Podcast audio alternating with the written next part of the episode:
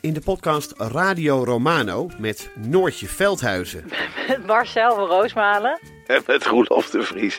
brengen we alle drie elke week een zogenaamde signalering mee. Wat heb jij nou weer bij je? En aan het eind bepalen we wie de winnaar van de week is. Echt een angstcultuur Lege huls die je er bent? Ja, dat gaat eigenlijk altijd onvriendelijk. Luister nu naar Radio Romano bij Podimo. Via podimo.nl slash Radio Romano luister je 30 dagen gratis. Kijk, het gesprek begon ogenschijnlijk over het onrecht dat mensen wordt aangedaan als er zo'n vernietigende recensie wordt geschreven. En wat dat met mensen doet. Ja. Daar leek het gesprek over te gaan. Maar gaandeweg, en dat is dankzij goed redactiewerk van mijn eh, redacteur destijds, blijkt dat die test niet deugt. Via podimo.nl slash gonzo luister je de eerste 30 dagen gratis naar Podimo. podimo.nl slash gonzo. Dat moet echt een ander kabinet zijn. Met een andere uitstraling. Veel meer eh, transformerend voor Nederland dan het vorige kabinet. Dus dat wordt, hoop ik, eh, denk ik ook als het allemaal lukt, echt een ander kabinet dan we hadden. Een andere samenstelling met een andere uitstraling, een ander elan, meer elan, denk ik echt. Dit is Betrouwbare Bronnen met Jaap Jansen.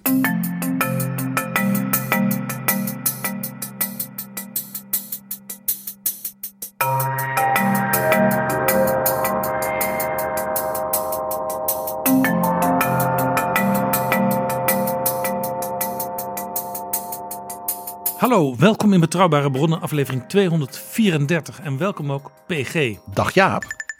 Dit is Betrouwbare Bronnen. PG, er is bijna een kabinet. Laten we het hopen althans. De Duitsers die hebben al een nieuwe regering. Die treedt op waarschijnlijk 9 december aan. We hebben daar afgelopen aflevering uitgebreid over gesproken met Otto Frieke van de FDP, de Duitse Liberalen. En wij gaan eens kijken, PG, naar een van die elementen eh, die altijd aan het slot van zo'n kabinetsformatie aan de orde komt. Welke ministers komen er en op welke ministeries? Ja, want de post hangt natuurlijk samen met de portefeuille. De portefeuille van wat is het onderwerp, het zwaartepunt of het probleem of de grote kans waar zo'n minister aan gezet gaat worden. Ja, nou zijn er natuurlijk een aantal eh, eh, traditionele ministeries die er altijd zijn. Ik noem buitenlandse zaken, ik noem defensie, ik noem onderwijs, ik noem justitie. Eh, maar er zijn ook wisselende ministeries die af en toe eens opkomen en dan weer verdwijnen. En ook binnen bestaande ministeries zijn er af en toe aparte ministers. En er zijn ook nog weer soort grensoverschrijdingen doordat grote maatschappelijke veranderingen en onderwerpen als het ware van het ene segment wat meer naar een ander aspect van de beleidsvorming gaan. Als bijvoorbeeld, ik noem maar een voorbeeld, als door bijvoorbeeld hele grote privatisering of dingen dat men zegt dat moet de markt voortaan gaan doen, dan betekent dat zo'n ministerie dat daarvoor, ik zal maar zeggen, het beheer van zo'n domein hield vanuit de overheid, vanuit collectieve uitgaven, ineens dus als het ware veel meer een soort op afstand stuurder moet doen. We hebben natuurlijk in Nederland heel lang een ministerie gehad. Dat ging over de PTT. Dat was de allergrootste ongeveer onderneming in Nederland. Dat was een staatsbedrijf. Ja, ministerie van Verkeer en Waterstaat. En dat ging daarover. Infrastructuur toen had toen ook als het ware de elektronische infrastructuur die bij iedereen thuis kwam. Je zou dus dan nu een minister voor het internet hebben gehad. Ja, en we hebben ook heel lang een ministerie gehad van landbouw. Dat werd op een gegeven moment opgeheven, want werd er gezegd, landbouw is goed geregeld nu voor een groot deel via Europa, via Brussel. En dat hoort eigenlijk bij economische zaken. Dat moet je niet meer als apart ministerie beschouwen. Sterker nog, dat was een ministerie voor dus de economie, voor de landbouw als bijzondere sector en voor innovatie. Want er werd ook nog gezegd, de landbouwsector is in Nederland zo'n toonbeeld van innovatief vernuft. Hè, met Wageningen, maar ook met die ondernemers en met die wereldwijde blik op dat terrein. Dat is eigenlijk een soort, soort, soort, soort avant-garde voor de rest van de Nederlandse economie. Ja, dat was het ministerie van ELI, heette dat. Economische Zaken, Landbouw en Innovatie. Ik vond dat ook zo'n prachtige bijbelse naam. Het was dan ook een CDA-vicepremier die erop zat, Maxime Verhagen.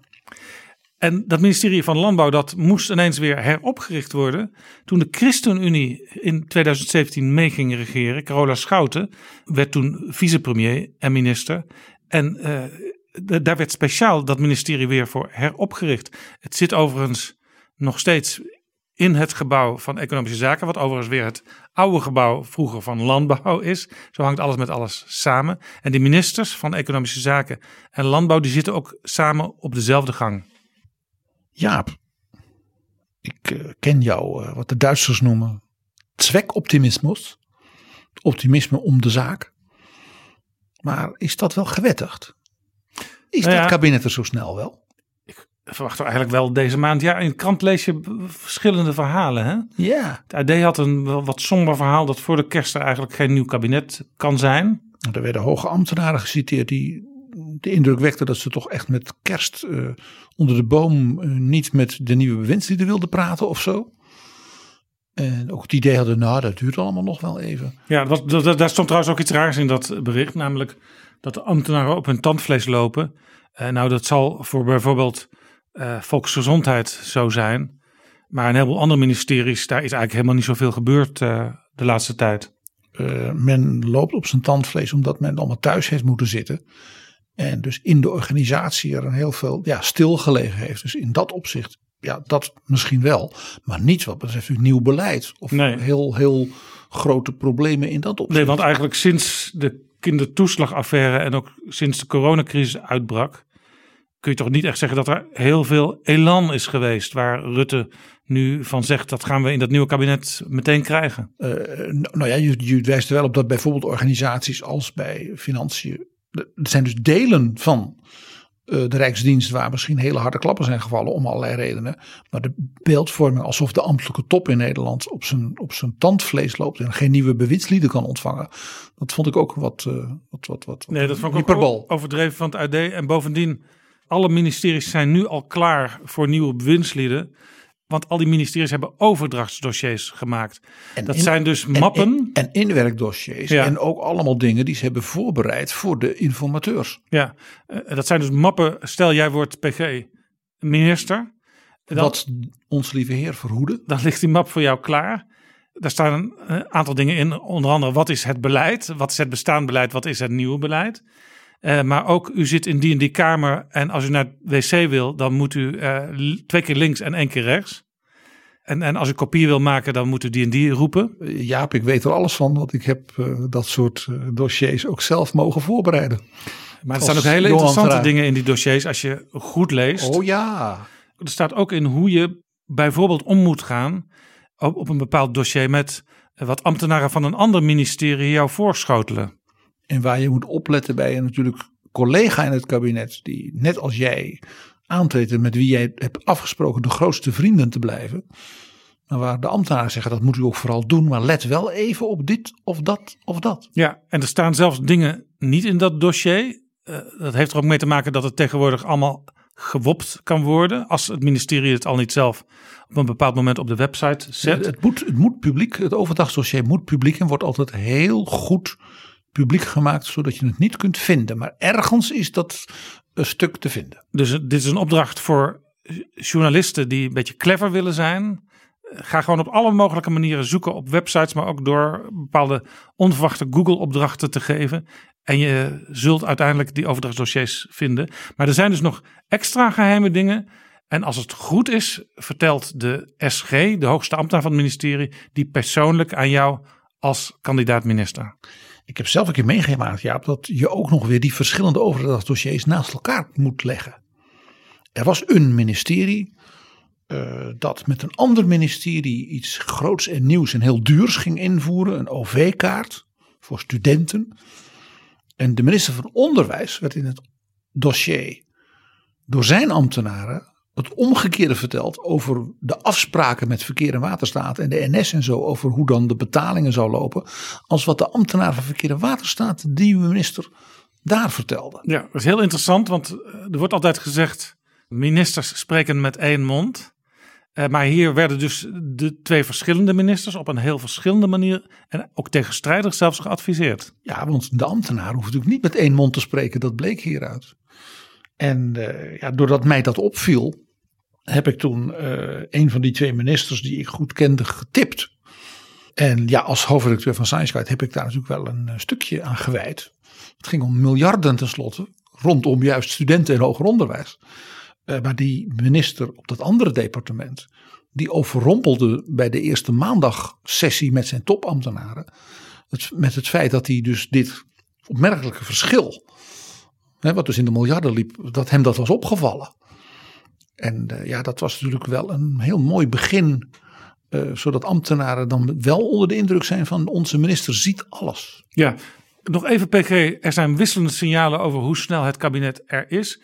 Ik hoorde eh, afgelopen week dat het concept regeerakkoord er eigenlijk al is.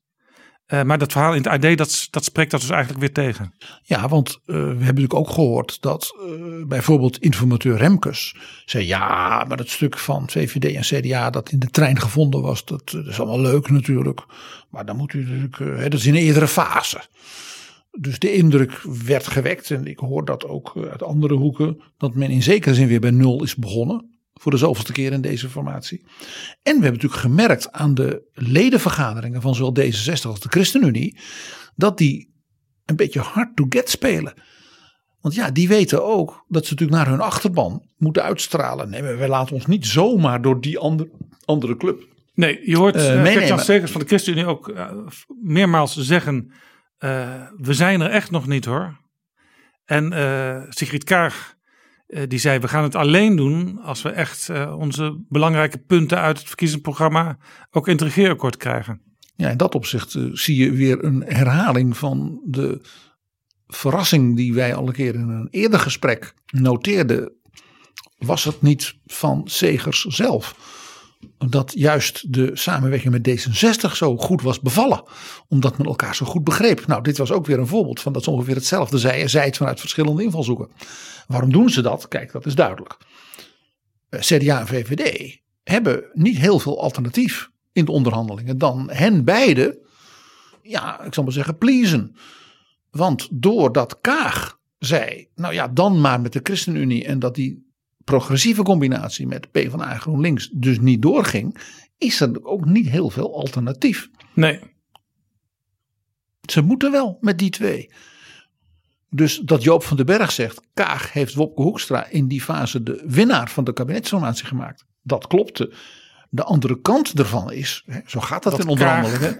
en misschien voor een deel ook wel eh Segers... weer de winnaar inhoudelijk kan worden. Nou ja, dat in elk geval, eh, als dat dus niet zou lukken.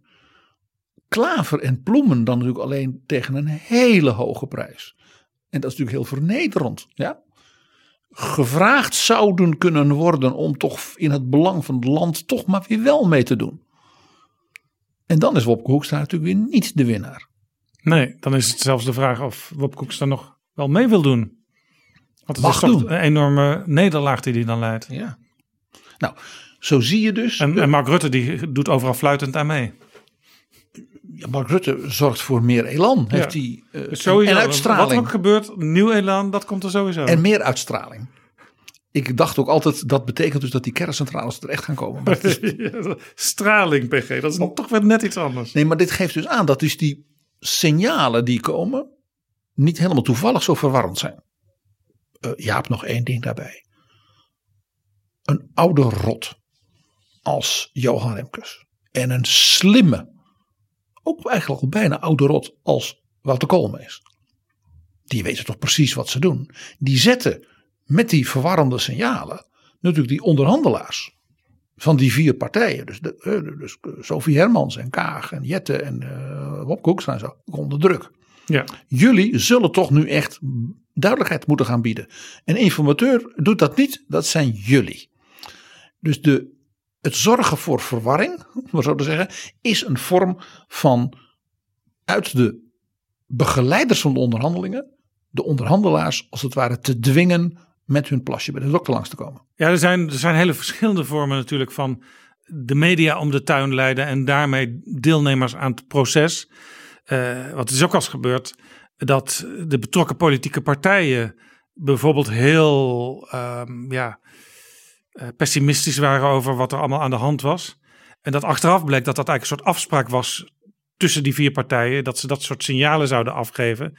Eh, waardoor het ineens een enorme verrassing was dat vier dagen later het regeerakkoord in kannen en kruiken was. Jij kent natuurlijk het legendarische verhaal ook dat eh, Hans Wiegel en Dries van Acht zouden hebben gekaart om de onderhandelingen veel langer te laten duren gedurende een lange sessie. Want ze waren er al lang uit. Uh, maar om dus de indruk te wekken, we zijn nog niet zo ver. Ja, precies. En er is natuurlijk nog een punt, Jaap, en daar wil ik heel even op wijzen. Er zijn natuurlijk een aantal hele forse veranderingen nu deze weken gaande, die in zekere zin die onderhandelingen en zeg maar een, een conceptakkoord ook heel zwaar gaan beïnvloeden. Het feit dat je dus niet nu versneld uit de coronacrisis economisch komt, maar dat er zelfs lockdown-achtige toestanden in eigenlijk ook onze buurlanden en dus onze handelspartners in Europa gaande zijn, betekent dus dat het versneld economisch herstel niet zo gunstig is als men in de cijfers die bijvoorbeeld in de stukken hè, van Mariette Hamer en dergelijke werden voorondersteld, konden worden meegenomen. Ja, want het was allemaal heel rooskleurig. En dat komt natuurlijk bij PG, dat heeft er direct mee te maken. Uh, winkels en horeca, die moeten nu weer heel vroeg dicht. Uh, ja, die moeten dan ook toch wel weer steun krijgen. Terwijl net het idee was dat al die steun zou worden afgebouwd. En nog een tweede element. Door allerlei zeg maar, blokkades in de wereldeconomie, maar ook nationaal, de tekorten aan personeel op allerlei cruciale punten, is er ook sprake van een snel toegenomen inflatie. Nou, dan is het mogelijk dat mevrouw Lagarde zegt: dan gooi ik de rente omhoog. Christine Lagarde, de voorzitter, de president van de Europese Centrale Bank. dat ze dat doet samen met de Fed en zo, de Japanse Centrale Bank, die van Canada en Engeland. Nou, ja, al die regeringen die dus in het kader van de coronabestrijding heel veel schulden hebben gemaakt om de zaak draaiend te houden, zitten op één ding niet te wachten. En dat is een snelle verhoging van de rente op de staatsschuld. Dan valt Griekenland meteen om, om het even heel bruut te zeggen. Dus die inflatie heeft allerlei weer consequenties op het prijspeil, in het bijzonder ook bij energie. Dat wordt mede beïnvloed natuurlijk door de heer Poetin ja, en, en dergelijke. En die energie, daar hadden we natuurlijk al een probleem. En daar is al ingegrepen door de overheden, eh, door bijvoorbeeld energiebelasting tijdelijk te verlagen. Dat zit ook in het Duitse regeerakkoord. Maar ja, dat betekent dus weer nog grotere gaten bij de inkomsten uit die belastingen die je dus niet krijgt. Kortom, de inflatie, het energievraagstuk en de grote spanningen aan de oostgrenzen van de Europese Unie, denk aan Belarus, maar denk ook in de Oekraïne, betekenen dat dus dat regeerakkoord wat nu gemaakt moet worden op een hele serie punten in feite ook, zeker als het gaat om de financiën en zelfs dus geopolitiek, eh, een beetje bij nul opnieuw moet beginnen. Dus PG, die twee stukken die we hebben gezien deze zomer, het gevraagde stuk geschreven door eh, VVD en D66 als een soort vingeroefening en ook een uitnodiging voor anderen om daarover mee te gaan denken. En later het in de trein gelekte stuk met dank aan Gert-Jan Segers. En de NS.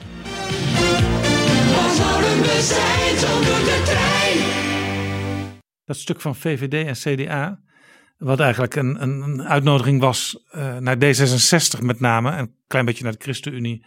Van wij zijn al tot dit bereid, tot deze progressieve daden kom erbij, vorm uit ons dat tweede kabinet van die samenstelling. Ja, al die mooie dingen, die kosten allemaal geld. En het is de vraag of daar dan nog geld voor is. Ja, en of dus de verwachtingen voor die komende vier jaar in zeg maar optimistische zin, in een constructieve zin, eh, of je die dus nou ja, linea recta kunt doortrekken. Want ook weer dat punt, als dus die uh, overheidsschulden, mede door corona en door uh, inflatie, dus ernstig tegenvallen, dan komt het vullen voor zo'n fonds voor stikstofproblemen. Ja, daar was klimaatproblemen. 40 miljard gereserveerd om boeren uit te kopen uh, om van die stikstofproblemen af te komen. Dat was nog niet gereserveerd, dat was een idee. Dat was ook zo'n klimaatidee. Nou, zo zijn ja, er nog een serie. geen idee, dat moet elk land doen. Ja. Uh, en daar gaat ook heel veel geld naartoe. Maar als je dat geld dan daaraan besteedt, dan heb je geen geld meer over. Nee, dan moet je bovendien die schulden moet je dan uh, ergens gaan ophalen. Als dus die rente omhoog zou moeten. Nou, dan zijn we dus bij het punt terug. Ja, dan, dan wordt de schuldenlast en de rentelast op die schulden, die dan nu ongeveer nul zou zijn. Ja, als die dan ineens anderhalf of twee procent is, zeg je, oh, twee procent. Maar dat is dan heel veel ineens. Kortom, dus wat mevrouw Lagarde doet, wat Poetin doet, ook aan die grens, inclusief met energie en met spanningen ja, eh, met in Donbass en de spanningen op de grens met Belarus, dat raakt voluit en meteen ook Nederland. En dus ook onze kabinetsformatie en de economie. PG, in ons gesprek met Otto Frieke in de vorige aflevering, eh, daar hebben we het ook gehad over de ministeries die de drie Duitse partijen onder elkaar verdeeld hebben. En daar vallen een aantal dingen op. De Sociaaldemocraten die hebben een aantal traditionele ministeries, zou je kunnen zeggen. De ministeries die wij in Nederland ook altijd hebben gehad. Een sterk bestuurlijk karakter. Uh, zoals volksgezondheid, zoals defensie, zoals sociale zaken. Binnenlandse zaken. Ja.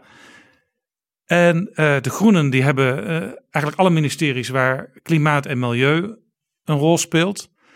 Plus nog uh, het, het gezinsministerie, waar tegenwoordig ook over vrouwen en jeugd en senioren gaat. En buitenlandse zaken. En dat ministerie waar ze al heel erg op rekenden, zeker de linkerzijde van de Groenen, namelijk verkeer, mobiliteit, infrastructuur, juist niet. Nee, want dat is interessant. Er is een ministerie van Verkeer, maar dat gaat nu ministerie van Verkeer und Digitales heten. Daar komt dus de digitale infrastructuur ook bij. Dat heeft dus een interessante strategische keuze en een dus een opvatting, gevaarlijk woord, een visie op het feit dat het internet en alle digitale ontwikkelingen dus een infrastructuur zijn. En dan zeg ik, een beetje zoals we ooit vroeger bij verkeer de PTT hadden. Ja, voor zo'n ministerie van Digitale Zaken is in Nederland ook gepleit door diverse partijen, onder andere de nieuwe partij Volt. En ik dacht ook D66. Uh, dus het zou interessant zijn om te kijken of wij dat dan uiteindelijk ook krijgen. Nou, er is natuurlijk nog een ministerie, een heel zwaar, ook investeringsministerie in Duitsland. Dat opgetuigd is, echt extra. En dat is het ministerie voor Bouwen. En dat zit bij de SPD. Wat niet zo raar is, want dat ministerie moet, typisch voor het Duitse federalisme, met zowel de bouwnijverheid als met de lender en de steden ja, afspraken maken. En ook prestatieafspraken zouden wij maken van hoeveel heeft u nodig? Hoeveel huizen worden er gebouwd? Wat betekent dat voor de inrichting, hè, ook van de voorzieningen rond die huizen? Waar moet je bijvoorbeeld in nog steeds uh, erg vervallen buurten ja. in de steden, ook in het oosten? Dat ministerie heet ook Bouwen en dat is een heel actieve naam. Anders dan uh, ministerie wat wij wel gehad hebben onder de titel wonen. Dat klinkt toch wat lauzier, zou ik maar zeggen. Nou ja, die term wonen stond in dat VVD en CDA-stuk. Ja, en dat viel mij toen op, want uh, er is denk ik één ding waar zo'n beetje alle partijen het wel over eens zijn. Dat er na lange tijd weer een echt ministerie van volkshuisvesting moet komen. En dat is ook een, een actieve naam. Hè? Je gaat het maar volk ook, huisvesten. Maar ook een verschrikkelijk ouderwetse naam. Daar zit toch een soort geur aan van de naoorlogse wederopbouw. Al die huizen een stuk en de babyboom nou ja, met al die, kind, er die is natuurlijk ook wel een crisis, PG. Want uh, er werd altijd gezegd de huizenmarkt. Maar de huizenmarkt, die is aan alle kanten vastgelopen. Uh, mede dankzij wat ooit als iets geweldigs werd beschouwd, de hypotheekrenteaftrek, zijn de huizenprijzen door het dak geschoten. Kun je dus als jong gezin eigenlijk geen, geen, geen huis meer kopen. En in de stad al helemaal niet. En uh, als je een huis wil huren, dan is dat ook heel moeilijk. Dus de markt heeft het hier laten afweten. Dus daar moet wel op een bijna ouderwetse manier worden ingegrepen, denk ik. Nou ja, dat is dus een interessante vraag. Of recepten van de jaren 50 uh, hier de, in de 21ste eeuw ook qua, uh, ik zou maar zeggen, qua inrichting uh, wel het juiste antwoord zijn. dus het idee om, zoals het ware, een ouderwets ministerie van volkshuisvesting in te richten, is misschien wel niet het juiste eigentijdse antwoord. En is dus zo'n ministerie van Bouwen, dat dus kijkt naar waar is er actief ruimte, een interessantere optie. Maar we zullen het er misschien nog wel even over hebben. Ja, ja er worden ook al getallen aan gekoppeld. Hè. Er moeten uiteindelijk, niet in vier jaar, maar in een langere periode, een miljoen woningen bijgebouwd worden. Ja, dat is dus typisch een kwantitatieve benadering. Want een miljoen woningen, dat zegt helemaal niks. Nou, dat zegt heel veel. Ik zie het namelijk overal gebouwd worden dan. Ja, maar wat voor woningen dan? Wat voor woningen voor de vergrijzing? Leegstaande villa's in de betere buitenwijken nog meer? Want dat geeft veel uh, aftrek bij de hypotheekrente. Het antwoord is waarschijnlijk niet. is niet erg efficiënt. Dus het hele nadenken over wat je dan bouwt en voor wie en eh, in, welke fase, dat hoor ik nog niet. Nou, vandaar mijn opmerking hierbij. Uh, ja, in, dat, in dat stuk van VVD en CDA werden in elk geval dus dat ministerie van Wonen genoemd, waar we het nu net over hadden, en werd gesuggereerd een Europa-ministerie. Ja, waar dan bij stond, uh, wat heel opmerkelijk was, uh, dat die aparte minister eigenlijk helemaal niet zoveel te doen zou krijgen. Nee, de, de bedenkers daarvan die schoven dat een beetje ook richting D60 van dat willen zij graag. Maar de formulering gaf aan dat ze er zelf eigenlijk geen idee bij hadden wat die minister nou zou moeten doen. Wat ook veel genoemd wordt, we hadden het net even over, is digitalisering als minister in Nederland. En natuurlijk een klimaatminister. Dat is interessant, want de, in Duitsland is die minister uh, niemand minder dan de vicepremier, de vicekanselier Robert Habeck. Ja, Wirtschaft dus und Klimaschutz heet dat ministerie. Dat is eigenlijk letterlijk uh, wat wij in Nederland al wel hebben, economische zaken en klimaat. Het interessante was dat ze in Duitsland hadden ze dus een ministerie voor Wirtschaft und Energie van Peter Altmaier. Daar is dus klimaat aangeplakt. En heeft men gezegd, ja, energie hoort als het ware bij klimaat. Dus daar valt het begrip energie dan weer weg. Zoals in Nederland. Ja. Overigens een ding wat in Duitsland nog niet wordt genoemd als nieuwe minister. Maar in Nederland, waar in Nederland natuurlijk wel heel veel aandacht voor is. Is het thema, hebben we niet iemand nodig die ja, ten gevolge van de Venetië-commissie en al die kritische analyses. Uh, de rol van saneerder op zich neemt met stevige bevoegdheden ten aanzien van de grote uitvoeringsorganisaties. Ja, maar dat is lastig hè, want uh, elke uitvoeringsorganisatie hoort weer bij een ander ministerie. En dan krijg je dus dat een minister de hele tijd door jouw beleid heen fietst als vakminister. Ja, dus dan moet je zo iemand dus inderdaad bevoegdheden met de rang van minister geven. Dat dat zou kunnen. De minister van Financiën, de minister van Justitie doen het namelijk ook. En klassiek. Bij andere ministeries. Dus zo raar is het niet. Maar zo'n soort minister, ja, dat moet, je dus, dat moet je wel echt willen. PG, twee ministeries die ook genoemd zijn in de verkiezingscampagne, die komen er in elk geval niet denk ik te kunnen zeggen. Dat is een ministerie uit het verkiezingsprogramma van de PVV, het ministerie van Immigratie, Remigratie en De-Islamisering. En een ministerie uit het verkiezingsprogramma van bijeen, het ministerie van Gelijkwaardigheid. Nou ja, uh, ik denk dat Geert Wilders met dat ministerie van zijn programma. Immigratie, remigratie, de-islamisering. Toch wel enigszins overrompeld zou moeten zijn door dat toch links-liberale groene akkoord in Duitsland. Want daarin zit een belangrijke opdracht van dat nieuwe kabinet aan de minister van Binnenlandse Zaken. Ja, dat heet Innen- und Heimat. Het Innen- und Heimat-ministerium. Die naam is te danken aan het vorige kabinet van mevrouw Merkel en met name de Beierse CSU. Omdat hun voorman Seehofer die naam Heimatministerium uit Beieren meenam. Dus dat was een ministerie voor de Duitse identiteit en dus ook voor inburgering en dergelijke. Ik ruik daar de geur van lederhozen. Ja, dat ligt vooral aan jou, Jaap. Uh, en wat heeft dus dat zeer linkse kabinet bedacht? Er komt een soort fonds voor het stimuleren van de remigratie. Vanuit het idee, mensen waarvan wij toch echt vast hadden, die kunnen niet in Duitsland blijven die gaan we stimuleren met geld. Uh, hun leven als het ware weer een nieuwe richting te geven. In ja, de heimaat waar ze vandaan komen. Bijvoorbeeld Syrië en of Afghanistan. Afghanistan. Als dat zou lukken in Duitsland, wat maar de vraag is natuurlijk, want dat lukt eigenlijk nergens, dan zou Nederland er misschien nog iets van kunnen leren. Maar dat is in het licht van de, de geschiedenis ook van de migratiebewegingen, ook van de laatste jaren. Uh, en natuurlijk de grote Europese worstelingen daarmee. Natuurlijk wel een zeer opmerkelijk aspect van dat linkse en progressieve akkoord. Dat ze dit thema oppakken. PG, het is eigenlijk van alle tijden hè? Dat, dat veranderen van namen van ministeries, van inhoud van ministeries, van taken voor speciale ministers. We hebben in Nederland heel lang een ministerie van oorlog gehad. Zou nu niet meer kunnen.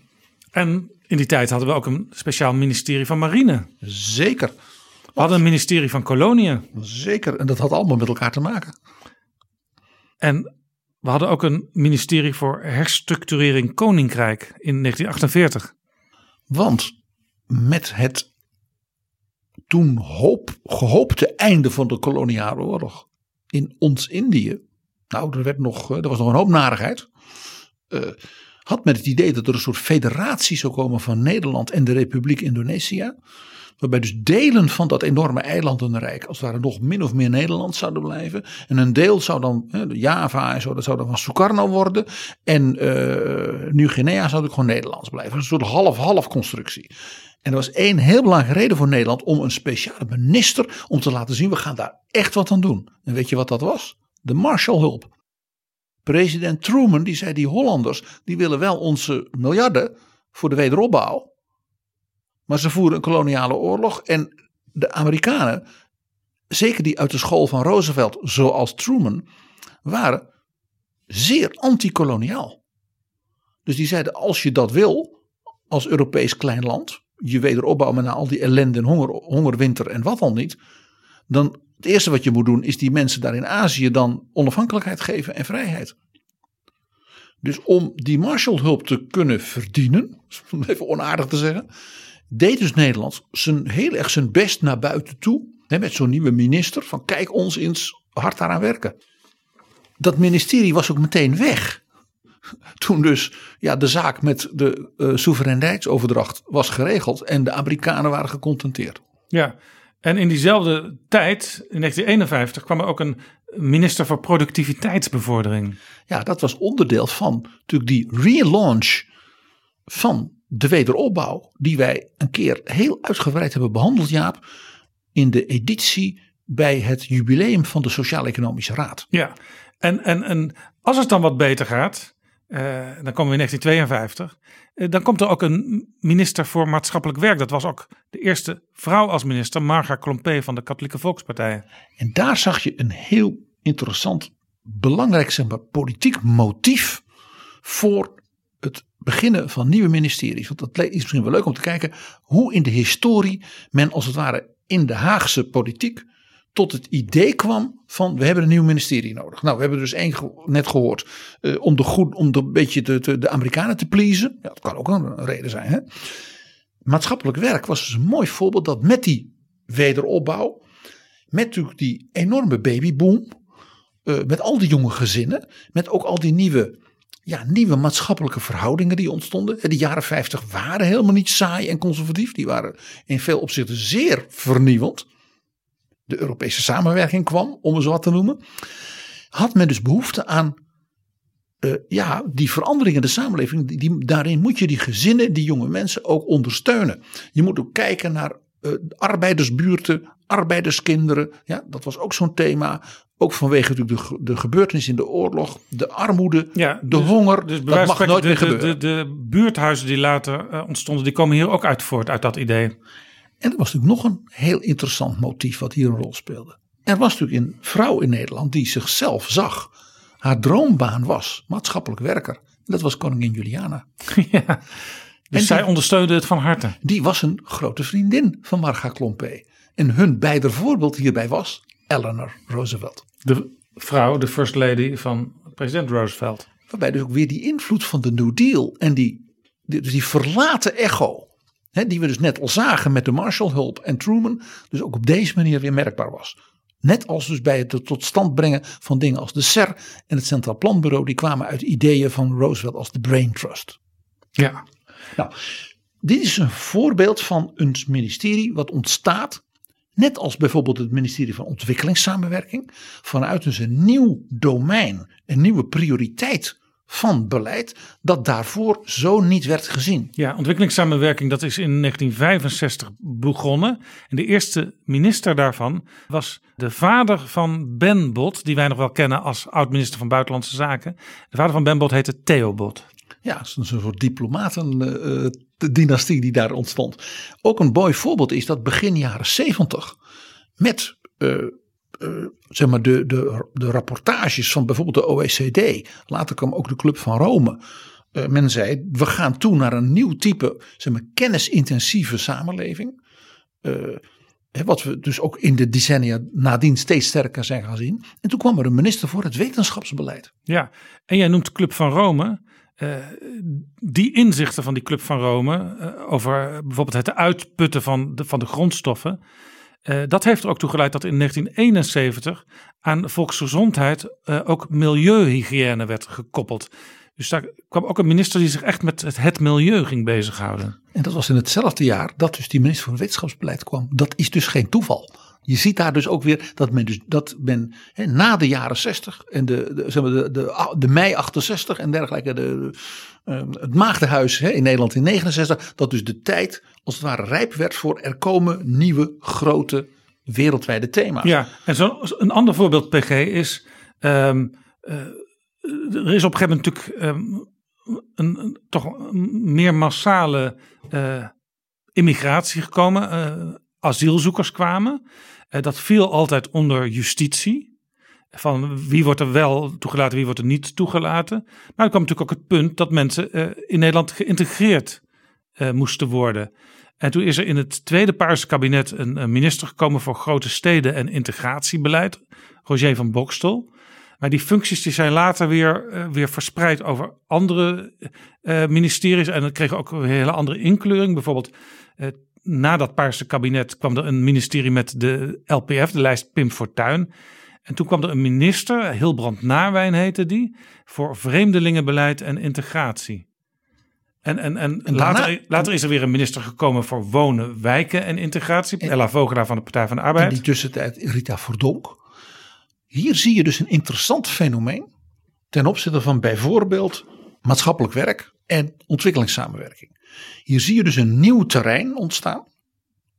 Dat dus doordat het toch ook vooral ministeries werden ter profilering, zal maar zeggen, van bepaalde partners of bepaalde discussies.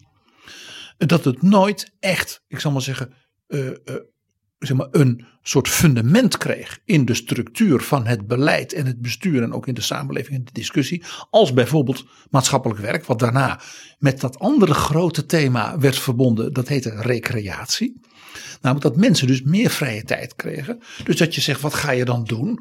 Uh, en dat ministerie werd al heel snel verbonden met het ministerie voor cultuur. Want mensen, ja, de media, de komst van de televisie, de minder verzuilde cultuur en dergelijke. Dat werden allemaal onderwerpen die dus bij dat ministerie van mevrouw Klompé werden gevoegd als dus de nieuwe maatschappelijke uitdagingen. Ja. En op zo'n manier is het dus nooit gelukt dat thema van, ik zal maar zeggen, integratie, eenzelfde, mag ik zeggen, stevigheid te geven. Ja. En bij ontwikkelingssamenwerking is hetzelfde gebeurd. Het heeft heel lang zich ook helemaal kunnen ontwikkelen en is pas recent gecombineerd met buitenlandse handel vanuit het besef dat die internationale uh, zeg maar, stromen in hoge mate natuurlijk geëuropeaniseerd zijn ja. in hun beleid. Buitenlandse handel is in feite ook een sterk Europa-ministerie. Ja, ja en nog, nog even over dat, dat vreemdelingenbeleid, wat dat migratiebeleid. Dat werd altijd als een soort last gezien van ja, eigenlijk besteden we er liever helemaal geen aandacht aan. Maar ja, het is er nu eenmaal, dus we moeten het ergens onderbrengen. En over integratie zijn we het heel lang in Nederland gewoon niet met elkaar eens geweest. Nee, maar dat geeft dus aan dat dat ministerie als ministerie dus mislukt is. Want de bedoeling, als je zo'n groot maatschappelijk nieuw thema in zo'n ministerie inricht, zoals met maatschappelijk werk, ontwikkelingssamenwerking, is dat je een soort bedding geeft om daar succesvol beleid bij te voeren. Ja, er zijn ook ministers gekomen om andere ministers te ontlasten. Hè? In het kabinet wat nu bijna afscheid neemt, werd naast de minister van Justitie en Veiligheid een minister voor Rechtsbescherming neergezet. Sander Dekker van de VVD. En op het ministerie van Volksgezondheid werd een aparte minister erbij gezet voor medische zorg. En dat raakte weer helemaal in de war uh, toen het coronavirus uitbrak. Want toen was het sowieso alle hens aan dek. Uh, kijk, jij zegt dat om ministers de werk uit handen te nemen. Dat zijn gewoon staatssecretarissen die men de naam van minister heeft gegeven. En men heeft dus minder staatssecretarissen benoemd. Ja. Dus ik ben daar eerlijk gezegd niet heel erg van onder de indruk. En het zou mij verbazen eerlijk gezegd als dat van voorgedoe in, een, in het volgende kabinet uh, op die manier opnieuw zou van gebeuren. Van voorgedoe? Ja. Laten we dat even uitleggen PG.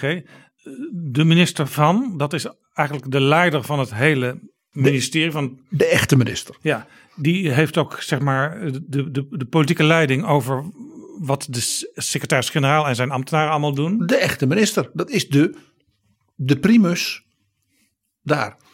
Dus bij wijze van spreken, als er ruzie is over een nieuwe koffieautomaat, dan beslist uiteindelijk, als die ruzie er, als die ruzie anders niet opgelost worden, eh, de echte minister. Dan is er op dat ministerie heel veel mis, ja. En eh, vaak is het ook zo dat de minister voor, die dus een speciale taak heeft, ook niet een hele eigen, eh, wat dan wordt genoemd een portefeuille, begroting heeft. Nou, dat geeft dus aan dat het een staatssecretaris is.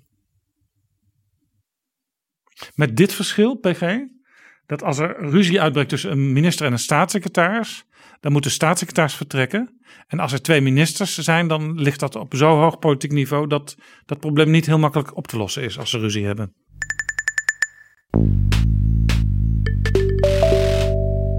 Dit is Betrouwbare Bronnen, een podcast met betrouwbare bronnen.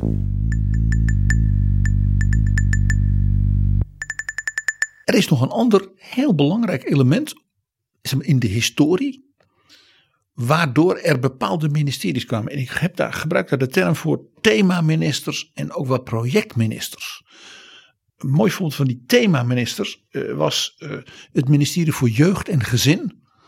Dat in het vierde kabinet Balkenende voor de vicepremier van de ChristenUnie. 2007 André Rauwvoet. Ja, en het interessante is dat dat natuurlijk in hoge mate doet denken aan het familienministerium. Dat in Duitsland natuurlijk al heel lang bestaat. Ja, wat inmiddels dus een nieuwe naam heeft gekregen bij de nieuwe regering in Duitsland. Familie, Senioren, Vrouwen en Jugend. Ja, dus dat, daar heeft men dus nu echt ongeveer elke bevolkingsgroep behalve de mannen uh, zijn, een ministerie gegeven. Dus uh, ja, dat is natuurlijk wel heel zielig voor die mannen. Hè? Ja, maar goed, PG, je weet, de, de, de blanke oude man, die heeft het verder overal voor het zeggen gehad de afgelopen eeuwen. Dus het wordt wel eens tijd om die andere groep ook wat extra aandacht te geven. Speak for yourself, Jaap. Dus dat ministerie van Rauwvoet, dat was ook heel snel voorbij. Uh, dat gold ook voor bijvoorbeeld uh, uh, meer projectministers. Een heel sterk voorbeeld natuurlijk in een ander kabinet van Balkenende. Ook een vicepremier. Nou, voor staatkundige vernieuwing. Dat was Tom de Graaf van D66. dat is ook geen gelukkige uh, trouvaille gebleken. Tom de Graaf, die kreeg het op zijn heupen toen de Eerste Kamer de gekozen burgemeester afstemde. Hij trad af en toen werd hij opgevolgd door Alexander Pechtold, de toen nog bij het grote publiek geheel onbekende partijvoorzitter van D66, tevens burgemeester van Wageningen.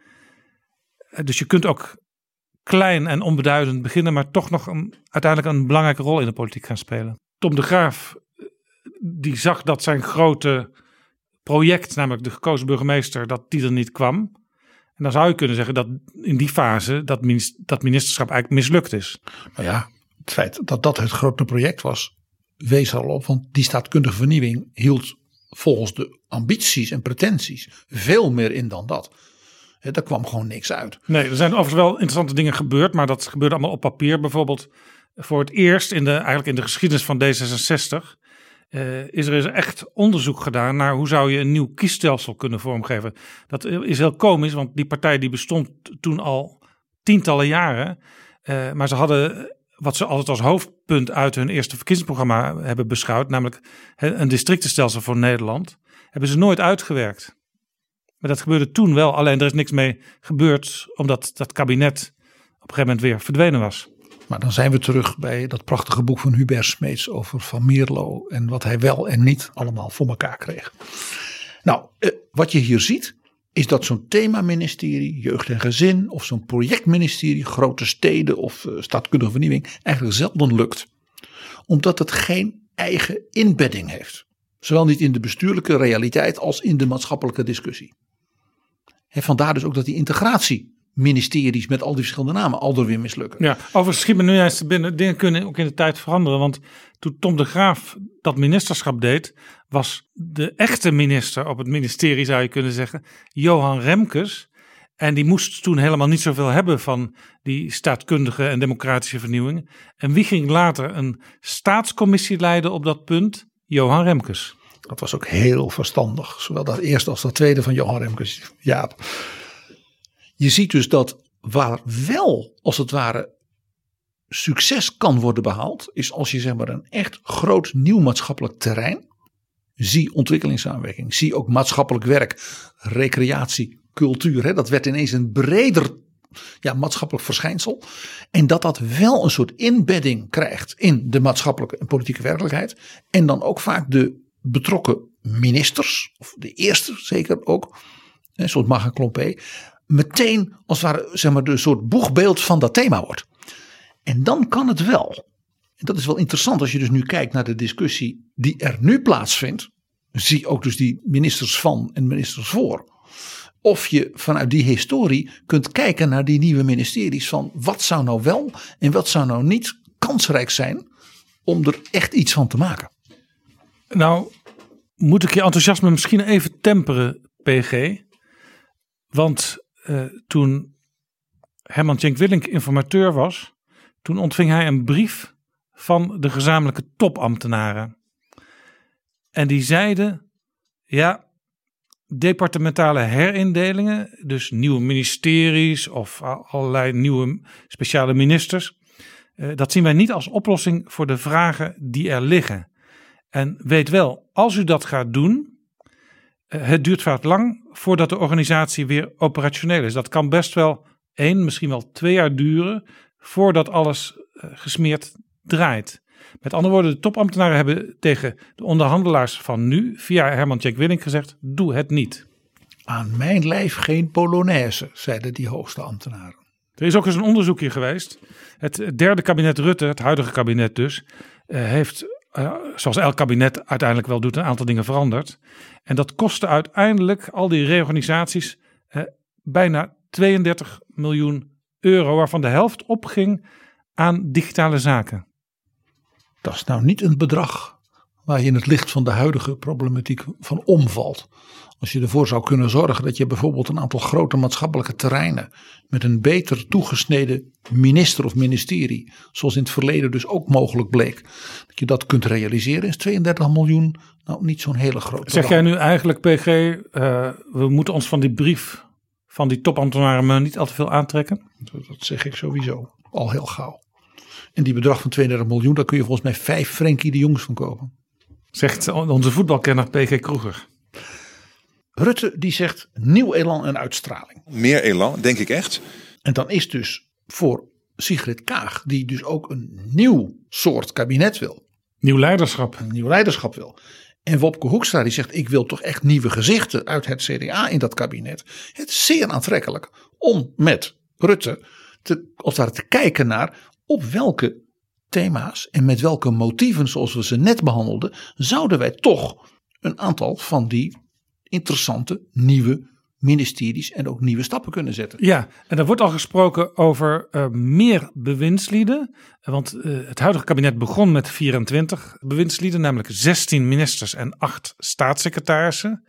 En er wordt gedacht om dat totaal te verhogen naar ongeveer 30. Daarbij spelen tenminste drie motieven.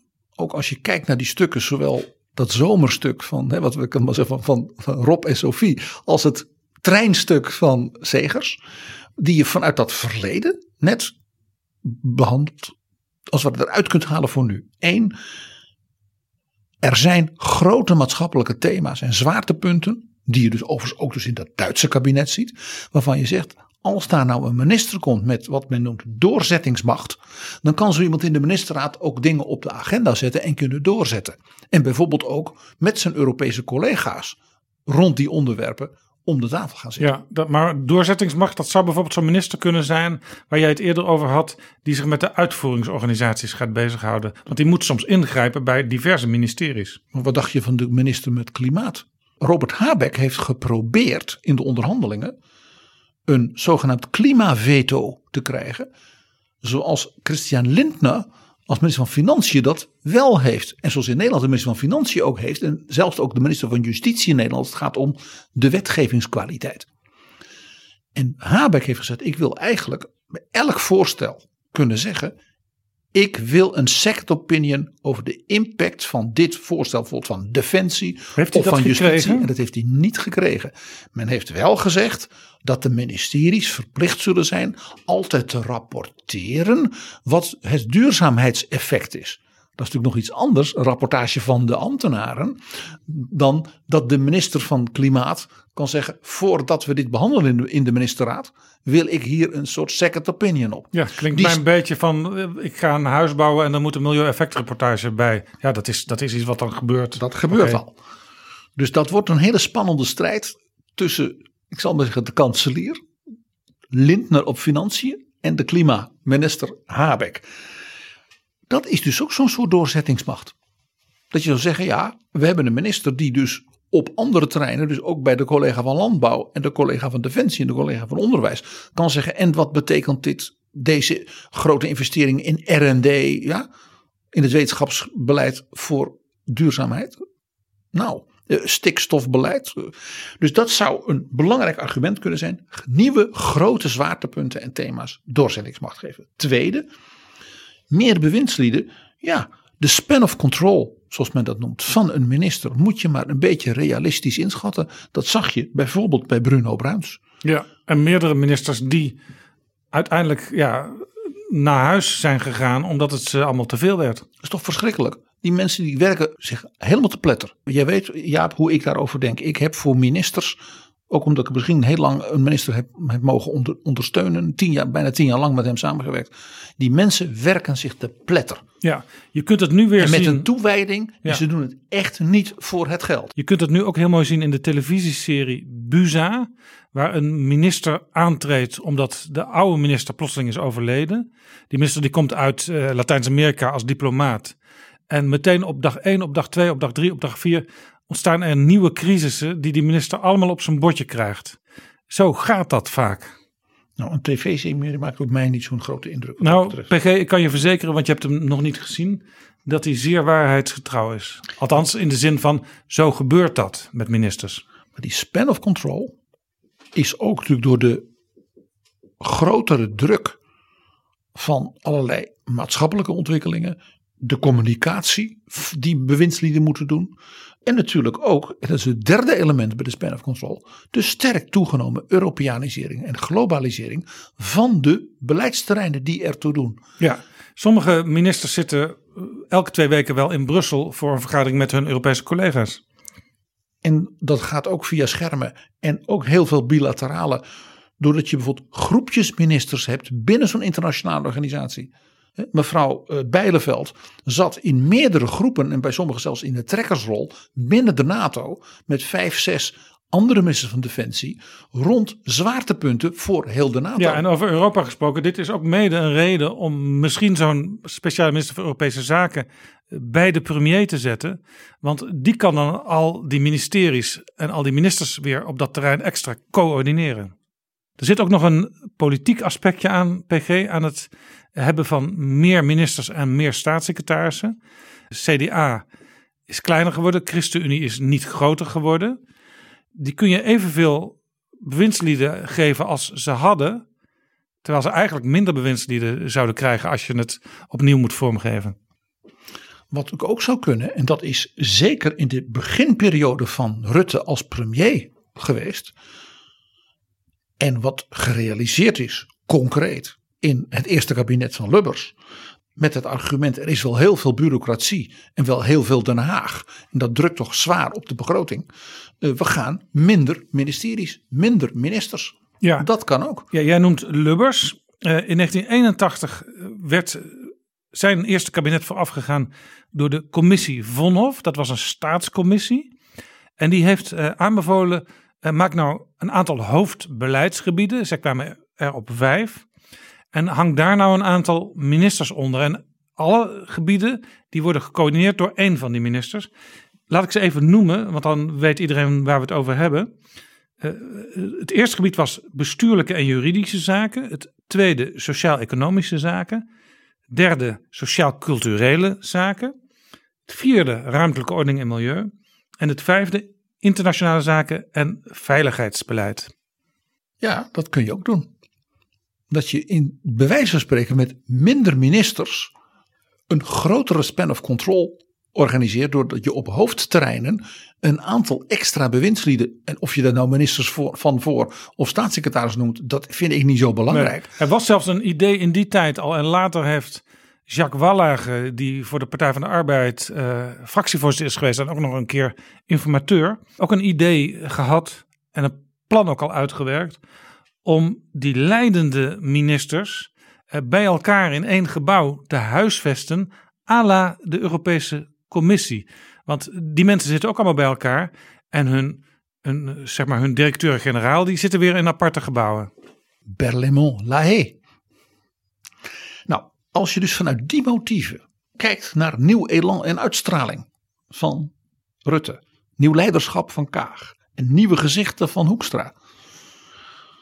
En ik kijk ook even naar Duitsland, ja, dan zie ik wel een aantal, ja, aantal dingen opdoemen. Ten eerste dus een echte, zoals Robert Habeck zelfs vicekansler, klimaatminister, die dus ook het energietransitiebeleid doet en economie. Nou, kijk, maar, dan, nou- maar dan ook klimaat voorop gesteld. En ja, economie blijft belangrijk, maar niet meer het eerste punt van zo'n ministerie. Het is niet een strikt economisch ministerie. Het is een ministerie op weg naar zeg maar, groene industrie en duurzame economie. En dus de energietransitie. Nou, denk aan dat klimaatfonds waar men aan denkt. Denk aan dat stikstoffonds. Dan de grote ja, implementatie die nog gaande moet van de energietransitie. Denk aan de Green Deal. En alles wat op dat punt op Nederland afkomt. Ja, en waar Nederland graag ook op bijvoorbeeld zo'n terrein als water een voortrekkersrol zou willen spelen. Denk aan Glasgow. En Henk Oving vertelde bij ons in watergezant. Ja, dat in, wat is het niet, 2023 Nederland gastheer is van de eerste wereldwijde VN-conferentie rondom water, klimaat en milieuvragen. Nou, een minister met zo'n portefeuille kan dan ook als voortrekker wereldwijd die conferentie helpen voorbereiden. Dat is zo slecht nog niet. Een beetje dus een Habeck Holland. Een tweede is natuurlijk ja, de Nederlandse versie van dat bouwenministerium. Waarbij je zegt wij gaan naar een ministerie dat voor het inrichten van Nederland. Waar ga je werken? Waar ga je wonen? Waar moeten we het landschap eh, bewaren? Eh, hoe, doe je dat dan met de boerenstand en de discussies over wa- waar kan het nog wel of niet? Waar kun je dan bouwen? Waar kun je die woningen zetten die nodig zijn? Eh, je kunt ook zeggen, nou, we bouwen een paar Bijlmermeren in een leegstaand gedeelte van de oostelijke Flevoland. Maar ik weet niet of je nou daar de Randstad mee helpt. Eh, waar kun je in de binnensteden misschien nog, nog doen? Kun je, kortom, ja. Een ministerie dat dus in feite het, de ruimte en het landschap van Nederland en waar mensen wonen en werken en zich willen ontplooien, als het ware in één hand heeft. Ja, en dat is veel meer dus dan een ministerie van wonen. Want dan ga je ook weer kijken naar eh, hoe hebben de provincies de afgelopen tientallen jaren eh, de ruimtelijke ordening aangepakt. En daar is ook niet iedereen heel juichend over, over al die dozen langs de snelwegen. Dat zijn vragen die dan aan de orde komen. Precies dus als die Duitse minister die met die lender en ook die steden ja, om de tafel moet gaan zitten en zeggen wat produceren we? Dus gewoon woningen, maar ook die moeten wel ook nog, dat moet wel leefbaar zijn. Ja, En niet ook weer het landschap en allerlei andere dingen ondermijnen. Precies. Want dat is nu ook heel erg aan de orde met bijvoorbeeld die hele grote datagebouwen. ja, die staan soms ook voor de neus van mensen die ergens wonen. Hetzelfde geldt natuurlijk voor eh, windmolens die we nodig hebben. Maar waar zet je die neer? En als je op die manier kijkt naar Nederland, waarbij je zegt dat wonen is ook ruimte en landschap en dergelijke, is er misschien ook wel een nieuwe kans te bedenken voor die niet zo geslaagde ministerietoestanden van integratie. Zou je misschien niet vanuit cultuur, erfgoed, inburgering, heimaat bijna, zoals in Duitsland. Een ministerie dat zegt wat gaan we doen met die mensen, met de bevolking. En dat is zowel de culturele verrijking als ook de vraagstukken die dat met zich oplevert rondom inburgering en dergelijke. En het interessante is dat we in België een hele jonge minister hebben die rondom integratie en ook asielbeleid en al die dingen bij elkaar optelt. En dat je dus in Duitsland zowel die nieuwe cultuurminister als die minister van Binnenlandse Zaken met zijn heimaat dat thema ook ziet oppakken. Is dat dan ook het ministerie waar dat Nationaal Museum wordt ondergebracht? Ja, je zou ook kunnen zeggen, moet dat wel een Rijksmuseum worden? Nou ja, het staat al in dat stuk van uh, VVD en CDA dat het er zou komen als dat stuk zou worden uitgevoerd. Maar alleen natuurlijk als mevrouw Marijnissen namens haar vader het kabinet steunt, Jaap. Nog zo'n minister waarvan je zegt, hmm, er zijn wel een aantal dingen, we hebben het er al over gehad. Een minister voor de Venetië-commissie, om het even heel kort samen te vatten. Die zeer ingrijpende dingen die toch moeten gebeuren. Naar aanleiding ook van meerdere enquêtes, er komen er misschien nog wel een paar. Dat je zegt één minister met die doorzettingsmacht. En nog een ministerie waarvan je zegt van zou dat in het licht van de huidige economische omstandigheden en op wat ons, op ons afkomt niet heel verstandig zijn. Ik gebruik maar weer wat apart term, een borstlapministerie. Flexwerk minder en vastwerk meer. En ook een, een aanpak die door iedereen logisch wordt geacht uh, echt gaan uitvoeren. Heel veel mogelijkheden, ja, akkoorden die er dan liggen op het gebied van de arbeidsmarkt. Maar tegelijkertijd zien we grote problemen door tekorten aan mensen op alle mogelijke terreinen. Nou, we hadden het onlangs over met eh, de mensen ook vanuit Europa rondom het beroepsonderwijs. Dan het vraagstuk, we moeten misschien wel heel blij zijn als wij kennis- en arbeidsmigratie naar Nederland kunnen bevorderen. Dat raakt dus meteen ook weer die vraagstuk van de inburgering.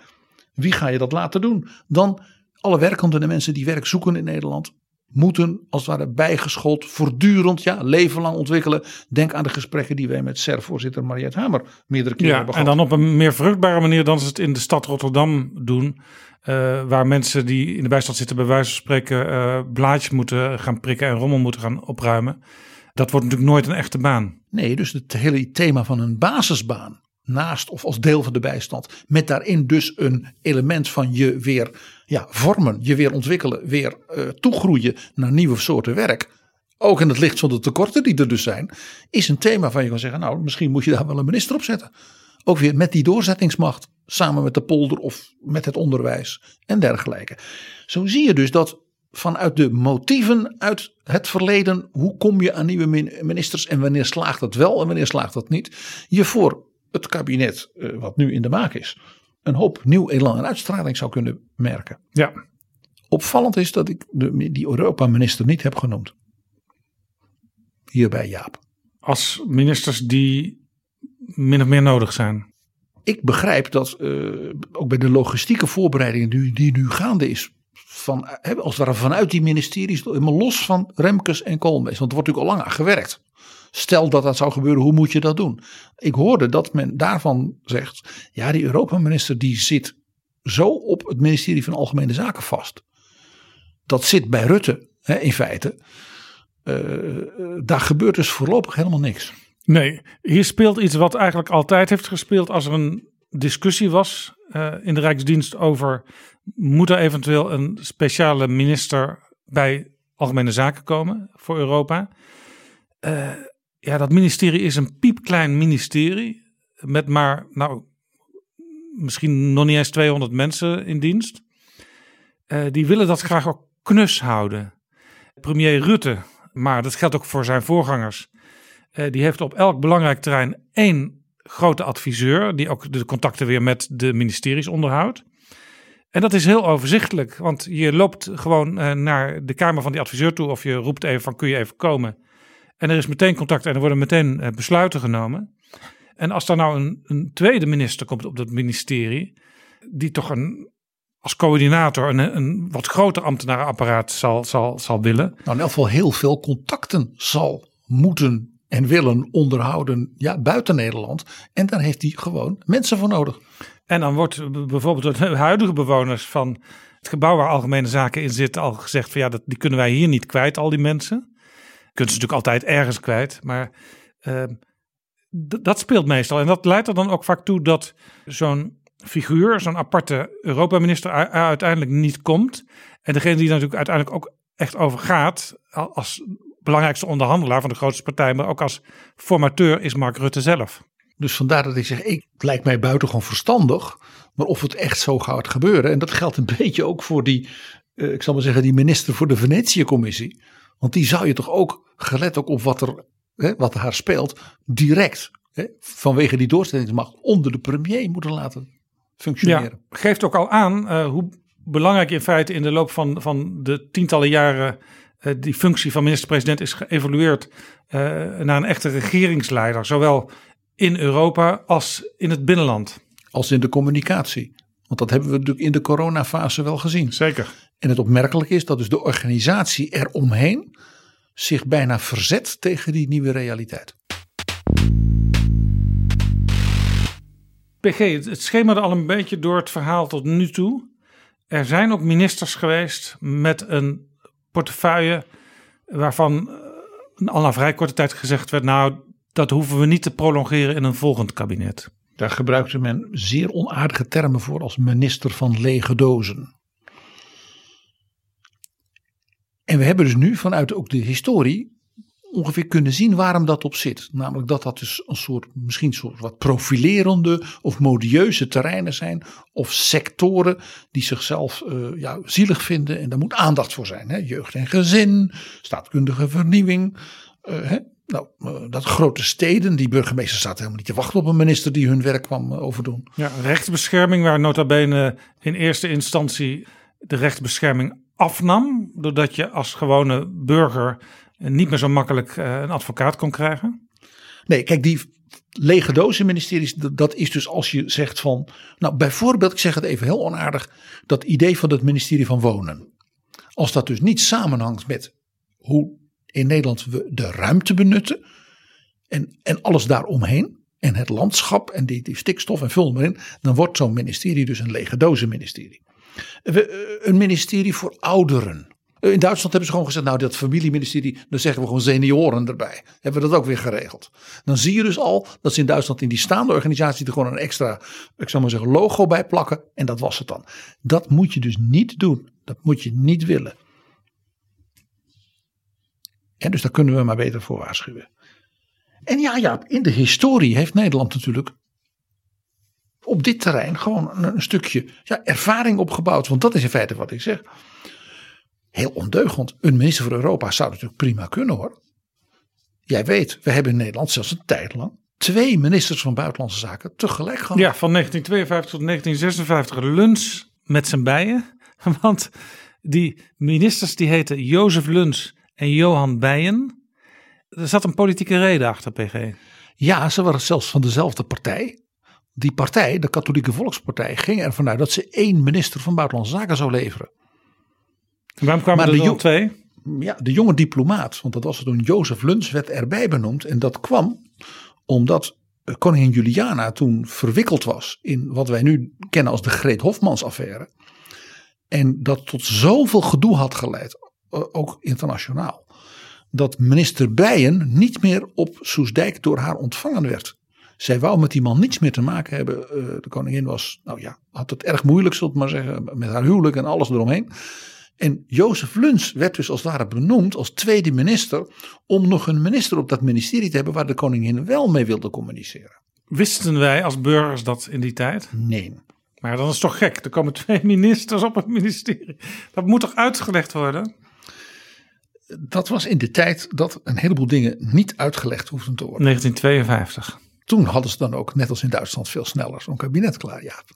Nou, in, datzelfde, in diezelfde periode kwam dus dat ministerie van Maatschappelijk Werk met Marga Klompé, wat natuurlijk weer wel heel veel ook inspiratie en steun van de koningin had. En dat is een mooi voorbeeld van als je zo'n ministerie doet, laat dat geleid worden door iemand, en bij voorkeur ook wat langer, hè, zeker bij mevrouw Klompé, die daar als we dat kan maken en dat fundament in de samenleving kan geven. Dat is toch wel een geheim wat je kunt zien. En ook soms is het helemaal niet verstandig om op een lastig terrein een minister neer te zetten. Zet er maar een staatssecretaris aan die toegewijd, pittig, krachtig bestuurlijk het werk doet, zeg maar afgedekt door de minister en die vooral niet zit om veel in de praatprogramma's en de media en dat soort dingen te doen. Mag ik een mooi voorbeeld geven? Ja. Job Cohen. De staatssecretaris van Justitie die de nieuwe Vreemdelingenwet door de Kamers kreeg.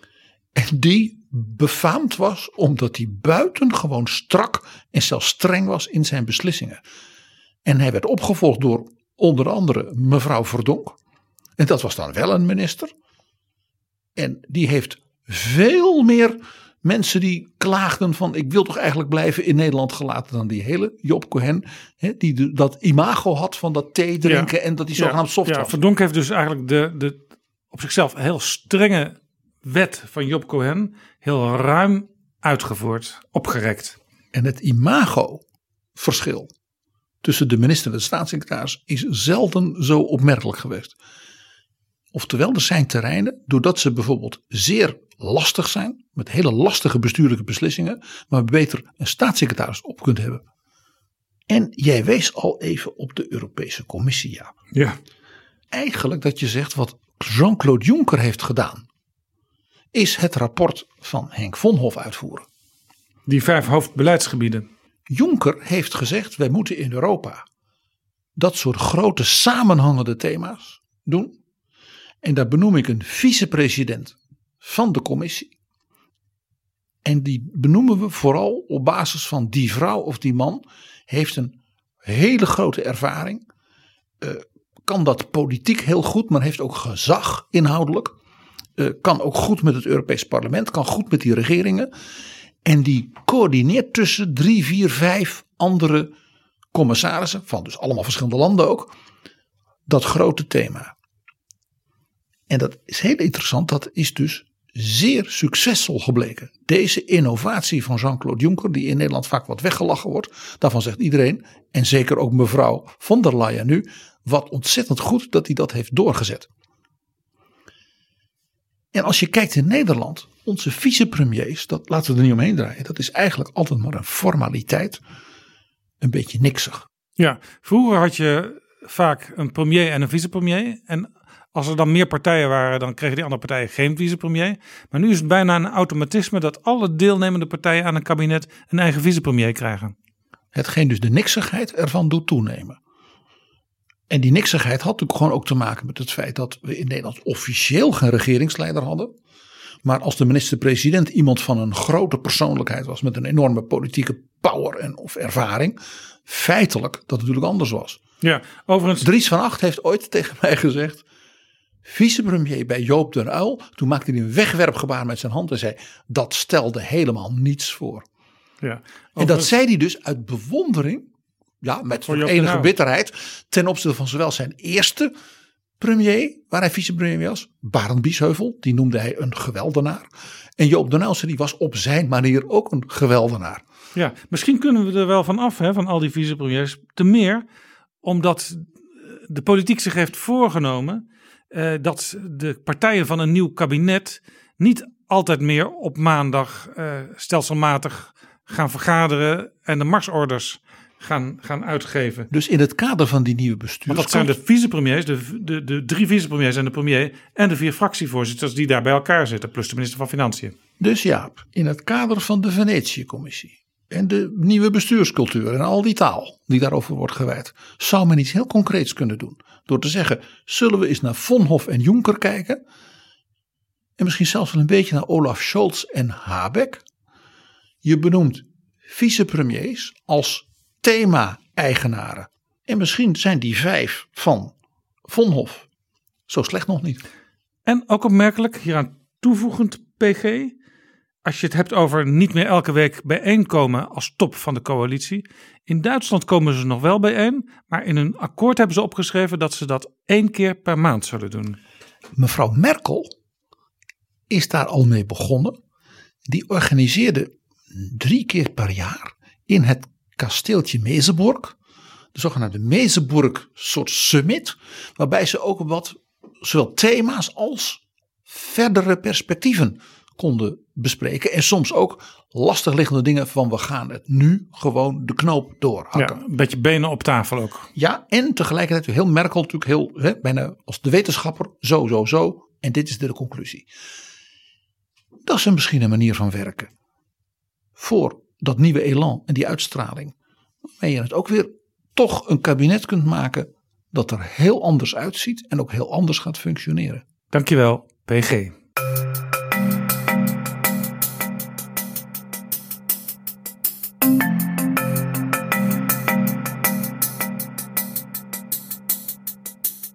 Zo, dit was Betrouwbare Bronnen aflevering 234. Deze aflevering werd mede mogelijk gemaakt door de vrienden van de show. Mensen die met een donatie hun waardering laten blijken voor betrouwbare bronnen. Ben jij nog geen vriend van de show? Laat daar dan nu verandering in komen. Ga naar vriendvandeshow.nl slash bb en help deze podcasts mede mogelijk maken. Vriendvandeshow.nl slash bb. En blijf luisteren zoals Jurian van den Kamp dit jaar deed. Hij luisterde in 2021 6711 minuten naar maar liefst 88 afleveringen van Betrouwbare Bronnen. Leuk om te horen, Jurian. En wat PG en mij betreft, tot volgende keer. Betrouwbare bronnen wordt gemaakt door Jaap Jansen in samenwerking met dag en nacht.nl.